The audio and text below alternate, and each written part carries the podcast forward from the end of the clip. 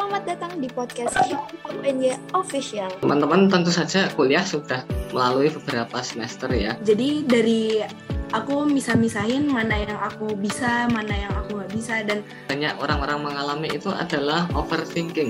Bagi yang teman-teman yang mungkin punya sifat perfeksionis, uh, mungkin bisa agak dikurangi dulu. lulus itu ya yang penting tujuannya Kalau dari kakak sendiri nih, udah pernah nggak sih dapat fase mager itu sendiri? Semager. Hmm, saya dulu nih. Oke, kalau Oke, fase mager, saya pernah. Kayaknya semua orang juga pernah ya. Eh, kalau banyak sih ya eh, fase-fase mager. Kalau saya dulu saya itu paling mager itu pas kapan ya? Eh, mungkin ini. Kan saya waktu itu ya bulan Februari itu sudah menyelesaikan sampai bab 5 ya sudah selesai tinggal saya konsultasikan ke dosen pembimbing. Nah itu saya kirimkan ke dosen. Habis itu ya cuma tinggal nunggu jawaban kan apakah masih ada yang perlu direvisi atau tidak. Nah di situ nunggu jawaban tuh lama uh, seminggu belum dibales dua minggu belum ada respon tiga minggu. Nah karena lamanya nggak ada respon itu ya saya jadi apa ya males gitu lihat skripsi saya tuh. Yang sebelumnya tuh saya semangat ngerjainnya ya lama-lama bahkan cuma buka pun nggak pernah.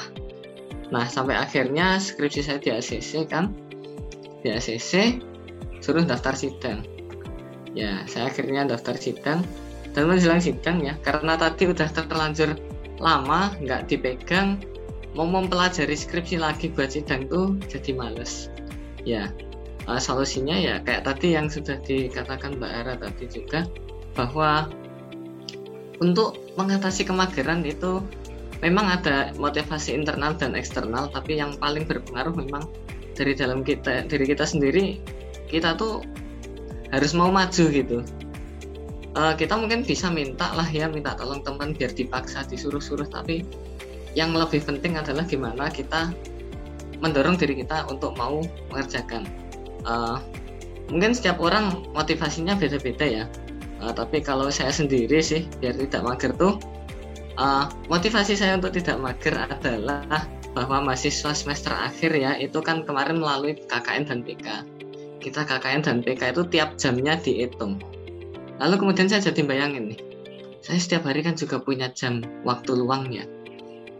Bayangkan kalau itu dihitung kayak waktu PK dan KKN, berapa jam yang saya buang hanya untuk melakukan hal-hal tidak berguna. Jadi dari situ saya terus termotivasi. Oh setiap hari itu saya nggak boleh buang-buang waktu kayak gini. Masa anak muda kerjanya cuma buang-buang waktu kan? Ya nggak boleh ya. Nah, jadi ketika mager ya kembali ke tadi munculkan apa motivasi dari dalam diri yang bisa untuk melawan kemageran tersebut. Coba, mungkin kalau Mbak Era pengalamannya gimana? kalau aku hmm, jujur aku lebih ke ambisi kalau pas ngerjain skripsi karena um, aku motivasi internalku udah kuat banget aku nggak mau bayar UKT semester 9 jadi uh, apa ya kayak aku mikir kalau aku sendiri mikirnya ngapain aku bayar lagi untuk cuman ngerjain uh, tugas yang sebenarnya udah aku mulai tapi hanya karena nggak selesai-selesai aku jadi harus bayar lagi kan aku nggak mau ya. Maksudnya dulu pas zaman-zaman pandemi aja kita pernah ngeluh gara-gara kita bayar UKT full tapi kuliahnya online fasilitasnya gini-gini doang kan itu kan apa ya kita kan orientasinya sama duit yang kita keluarkan kan. Padahal kan sebenarnya masih ada ilmu yang bisa kita dapat nah apalagi kalau skripsi ini. Maksudnya skripsi ini kan uh, bergantung banget sama uh, gimana kita ngerjainnya. Kalau misalnya bisa selesai cepat ya alhamdulillah nggak bayar lagi gitu kan masa kemarin ngeluh-ngeluh karena bayar UKT gara-gara pandemi sekarang kita uh, bayar UKT hanya karena menunggu kita mager itu kan enggak banget ya menurut aku sih. Jadi uh, ya karena uh, orang punya motivasi beda-beda dan kalau aku ya kayak barusan aku bilang jadi ya itu sih ya. Uh, ke pertanyaan selanjutnya ya kak, langkah pertama yang harus dilakukan untuk nyusun skripsi itu apa sih kak? Um, kalau aku sendiri langkah pertamanya selain nentuin judul kayak uh, yang tadi sudah dijelasin, kita juga yang pertama paling penting itu nyiapin instrumen sama media. Jadi itu udah yang penting selama ada instrumen sama media yang mau kita uji cobakan, udah itu penelitian kita aman. Karena kan kalau penelitian itu yang penting data ya. Jadi kalau selama ada data, kita udah bisa ngolah naskah skripsi kita. Jadi udah aman. Selama kita tahu gimana cara ngolah data itu. Tapi kalau nggak ada datanya kan kita bingung ya mau ngerjain apa jadi minimal ada datanya dulu. Kadang kan orang kan menyarankan suruh nyelesain bab satu dulu lah atau bab berapa dulu padahal kan. Yang penting tuh ada instrumen sama uh, medianya itu. Apalagi kalau misalkan penelitiannya R&D kan berarti harus validasi dulu. Kalau misalnya eksperimen kan bisa langsung tuh. Ya kalau mau nyusun instrumen juga ada harus ada dasar teorinya sih. Jadi mungkin uh, selain instrumen media ya bab 2 gitu sih. Jadi uh, selain instrumen sama media harus ada uh, dasar teori yang buat bab 2 dan juga jangan lupa minta SK pembimbing karena itu walaupun kita belum butuh tapi seenggaknya udah memperlancar jalan kita kalau mau sidang. Jadi kita nggak usah nunggu tiga bulan lagi karena kita baru bisa sidang setelah SK pembimbing keluar dengan usia tiga bulan. Itu sih. Tadi itu ya uh, langkah yang pertama. Bener sih yang dikatakan Mbak Ara tadi ya. Uh, untuk pertama nyusun skripsi selain nyusun judul uh, mungkin dari sebelum nyusun judul dulu ya. Mungkin dari awal pun masih bingung nyari judul. Uh, kita banyak-banyak baca referensi dan kita tadi kan udah punya minat ya di mata kuliah yang ingin diteliti, yang ingin jadi topik penelitiannya Nah, lalu kemudian tentukin, tentukan mau penelitian eksperimen atau R&D. Nah, dari situ kalau sudah yakin, ngumpulin latar belakang dan dasar teori secukupnya. Di sini bukan dalam artian udah bikin bab 1 dan 2 yang full. Tapi paling enggak kita tuh sadar, oh latar belakang yang saya temukan di sekolah apa, yang bisa saya teliti apa, yang perlu saya tingkatkan apa. Di situ untuk latar belakang kemudian dasar teorinya kita mau meneliti tadi ya yang perlu kita buat yang penting untuk mendapatkan data itu kan ada instrumen dan juga produk. Untuk membuat instrumen dan produk tentu saja kita perlu dasar teori dulu. Kita mau buat instrumen ya instrumen pembelajaran instrumen pengambilan data. Di situ kan kita perlu tahu dulu. Untuk mengukur variabel yang ingin kita ukur itu butuh instrumen apa Lalu untuk membuat produk yang ingin kita buat itu butuh apa saja? Nah, di situ perdalam apa yang harus kita kaji. Ya. Kalau sudah mengkaji di situ sudah yakin segera buat instrumen. Tidak perlu menunggu apa ya? Biasanya kalau dosen kalau sekarang kan ada seminar proposal ya, setelah itu diminta revisi dan sebagainya. Di situ jangan ditunda sampai proposalnya 100% fix. Kalau tidak ada perubahan yang tidak mendasar, dalam artian misalkan hanya perubahan tata bahasa dan semacamnya kontennya kan berarti tetap sama. Di situ kita sudah bisa mulai membuat instrumen. Seperti tadi membuat instrumen dari instrumen penelitian ya instrumen pengambilan data termasuk produk.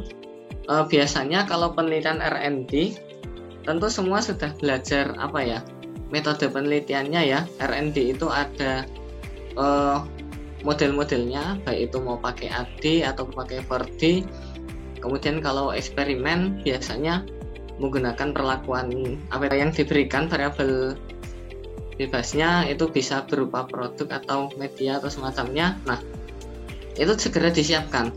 Jadi secepat mungkin kita bisa melakukan pembelajaran yang tujuannya untuk mengumpulkan data itu tadi.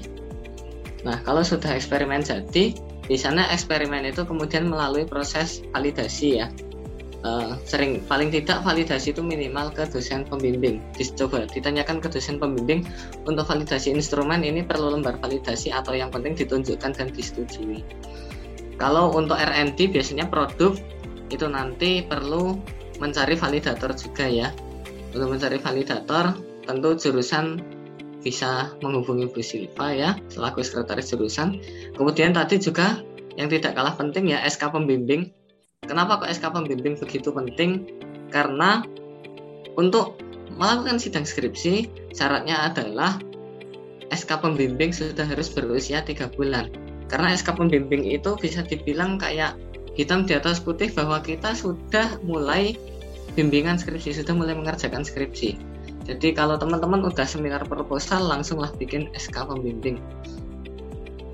Penelitian itu biasanya memakan waktu ya memang paling cepat tiga bulan ya. Maka saya rasa wajar untuk SK pembimbing itu harus menunggu tiga bulan. Nah permasalahannya adalah ketika teman-teman melupakan langkah ini, akhirnya di akhir penelitiannya sudah terlanjur selesai masih harus menunggu tiga bulan karena SK pembimbing. Jadi itu kalau menurut saya langkah pertama ya dipastikan latar belakang, kemudian referensi dikasih secukupnya lalu langsung membuat eksperimen sama seperti yang tadi disampaikan Mbak Ara ya. Oke nih, langsung lanjut ke pertanyaan terakhir dari teman-teman yang udah ngisi Q&A. Nah, pertanyaannya, gimana cara cepet dapat inspirasi judul skripsi Kak? dan juga tips buat ngatasin burnout saat mulai nyusun skripsi. Uh, cepet, cara cepet dapat inspirasi ya. Uh, mungkin masih nyambung sama uh, yang tadi jawaban pertama. Kita harus aware sama apa yang kita suka, terus uh, apakah dia beririsan sama masalah yang ada di lapangan. Sebenarnya uh, kalau mau cari inspirasi tuh nggak usah cepat-cepat sih uh, take your time aja yang penting tuh uh, judul kalau mau dapat judul dipikirin matang-matang. Kamu sanggup nggak uh, meneliti tentang itu? Kamu ngerti nggak tentang topik itu? Uh, karena uh, nanti pun kalau misalkan ada ada open uh, kalau mau ganti judul tuh sebenarnya masih bisa. Tapi emang uh, resikonya kita harus nyari-nyari lagi kan. Maksudnya uh, yang kemungkinan bisa dilakuin tuh.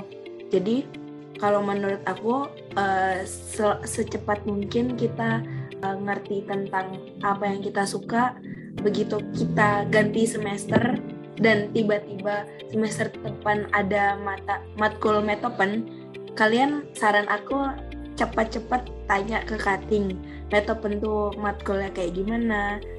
Uh, dosennya sama siapa? Apakah nanti itu uh, kemungkinan besar bakal bisa lanjut ke buat skripsi judulnya uh, apa ya karena uh, selam pengalaman aku semester 6 kemarin dapat matkul metopen banyak teman sekelas yang kaget karena uh, metamen itu kan uh, tujuannya kan biar bisa meneruskan judul yang kita bikin biar bisa digunakan buat skripsi kita kan.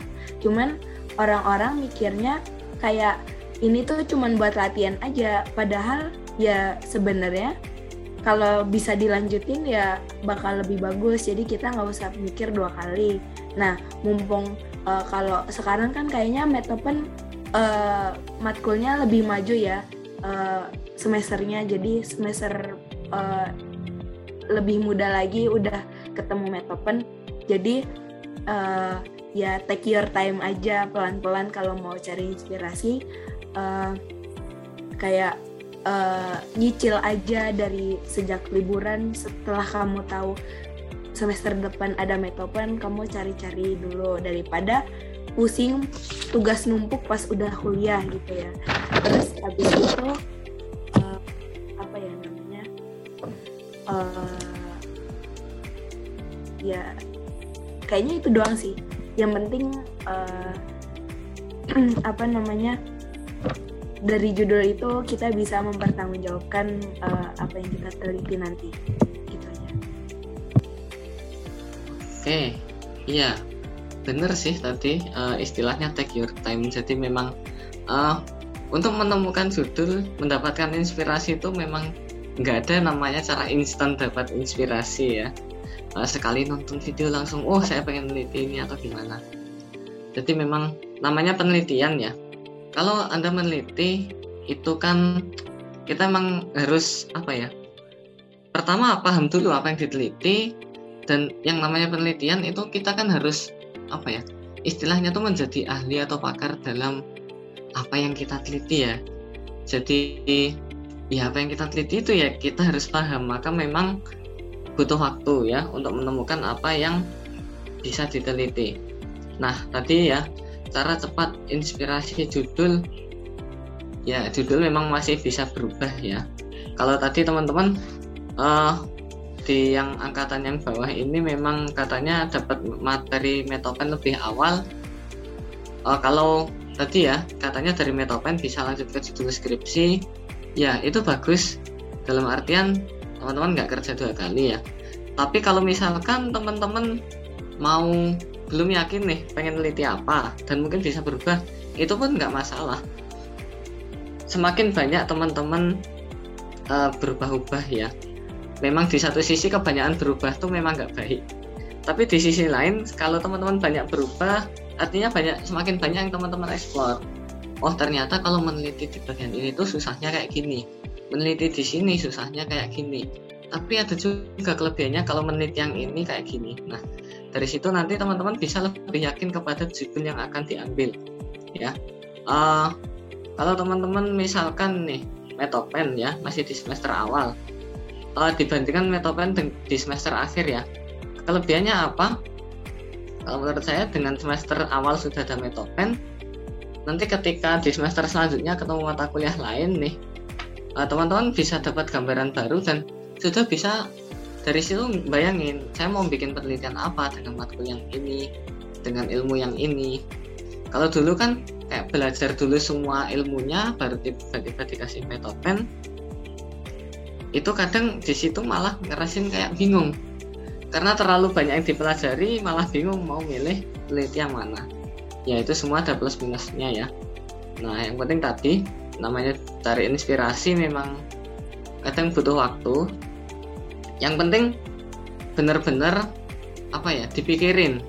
Bukan karena oh ya dinikmati waktunya take your time terus akhirnya malah dilupain karena kelamaan gitu ya. Uh, ya jangan juga. Jadi silahkan.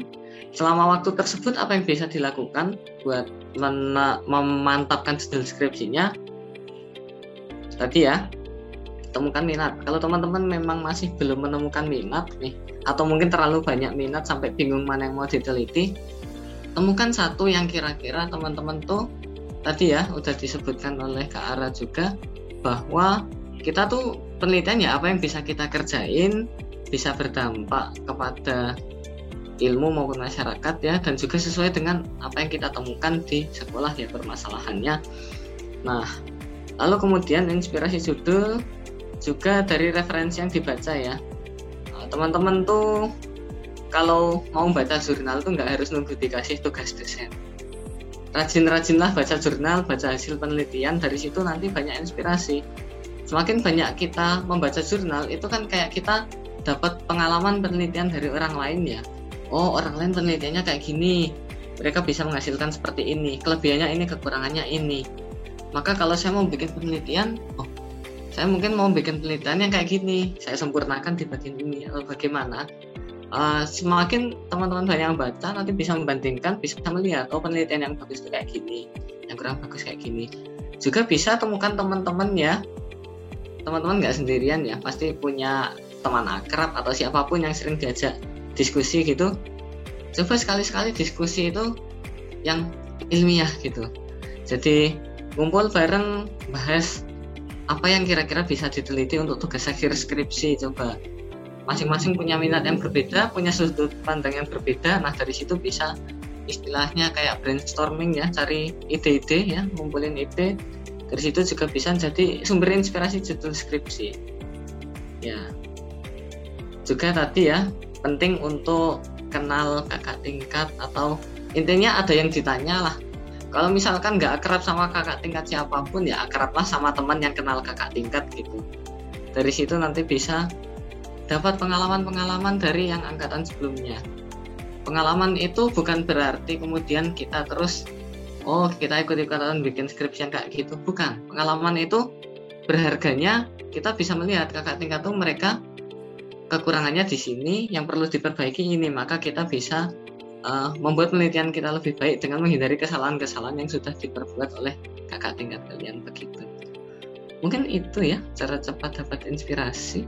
Nah kita lanjut ke pertanyaan selanjutnya yaitu kak selama menempuh dunia perskripsian nih apa sih suka duka yang dihadapi kakak-kakak? Nah. Suka duka ya? Oke gantian saya dulu nih. Oke. Sukanya ya. Sukanya selama skripsian ya. Tentu saja banyak pengalaman baru ya. Uh, pengalaman penelitian skripsi itu menurut saya tidak tergantikan sih. Dalam artian ya saya banyak ketemu orang baru, banyak ketemu hal-hal baru, banyak sesuatu yang belum saya rasakan sebelumnya saya rasakan saat menggarap skripsi bahkan bisa dibilang saya benar-benar merasakan menemukan passion saya di pendidikan itu saat mengerjain skripsi. Sebelum skripsi itu ya saya kuliah ya cuma kayak yang penting kuliah belajar dapat ilmu ujian ya belajar lagi dapat nilai gitu ya. Tapi ketika skripsi saya menemukan banyak hal baru di situ. Saya menemukan banyak orang bertemu banyak orang tuh kita juga sering dapat doa dan dukungan dari orang lain ya misalkan saya penelitian nih saya penelitian waktu itu saya ikut workshop coach ya dengan dosen-dosen dengan guru-guru ya. Saya banyak yang bertemu dengan guru itu banyak dibilang gini oh ini penelitiannya sekalian buat tugas skripsi ya mas. Semangat ya semoga skripsinya lancar. Banyak yang mendoakan begitu. Tentu saja itu hal-hal yang menyenangkan dalam skripsi. Apalagi kalau teman-teman skripsinya itu ya ini selama skripsi banyak bertemu dengan orang baru ya banyak mendapat doa banyak mendapat harapan, banyak mendapat ya pandangan baru lah bahwa semua orang itu yang pernah punya gelar sarjana ya pasti skripsi. Kita bisa mendapatkan pengalaman dari orang, cerita dari orang, dan dari situ kita bisa tahu oh jadi saya harus kayak gini, saya harus begini. Kalau dukanya ya tentu saja perjalanan skripsi itu tidak ada yang 100% mulus gitu. Tentu banyak hambatan, baik itu hambatan internal dari diri sendiri maupun eksternal. Mungkin kalau dari diri sendiri selama kita bisa menjaga motivasi untuk tetap mengerjakan dengan lancar itu tidak ada masalah ya. Kecuali mungkin kalau teman-teman yang ada hambatan dari diri sendiri perlu diatasi ya. Intinya kalau ada hambatan ya diatasi terlebih dahulu. Kalau hambatan yang dari eksternal cukup banyak ya. Saya kira semua teman saya yang juga mengerjakan skripsi mengalami hambatan eksternal baik itu dosen yang kadang slow respon, kebijakan sekolah yang mungkin berubah-ubah, kemudian kebingungan terkait uh, gimana cara analisis data dan sebagainya, lalu overthinking menjelang sidang, ambil data dan semacamnya. Yang penting itu bukan kok gimana kita menghindari masalah, tapi gimana cara kita mengatasi masalah yang diperoleh. Misalkan nih, kita dapat dosen yang slow respon, udah gitu ketika dihubungi dosen mintanya apa ya? Koreksinya banyak dan perfeksionis gitu. Gimana cara ngatasinya? Ya kita yang harus menyesuaikan ya. Uh, kita bisa tanya-tanya kepada teman-teman yang satu dosen pembimbing. Bisa juga tanya kepada kakak tingkat yang mungkin dulu dosen pembimbingnya sama. Gimana cara menghadapinya? Yang penting ketika ada masalah kita berusaha menghadapi ya. Cari dukungan kepada orang teman dekat dan semacamnya ya Kemudian kalau ada masalah ya selain kebingungan tadi mungkin sulit dihubungi. Misalkan kita mau ambil data nih validatornya tuh nggak segera bisa dihubungi padahal ini salah kepake. Nah kadang kalau kita cuma menghubungi sendiri tuh kadang sulit ya. Nah kalau kita bisa cerita ke salah satu dosen atau siapa pun kadang itu bisa membantu ya. Tapi ini case by case tidak bisa digeneralisasi ya. Mungkin yang dialami teman-teman yang dialami dan yang dialami saya dan teman-teman yang lain mungkin berbeda ya.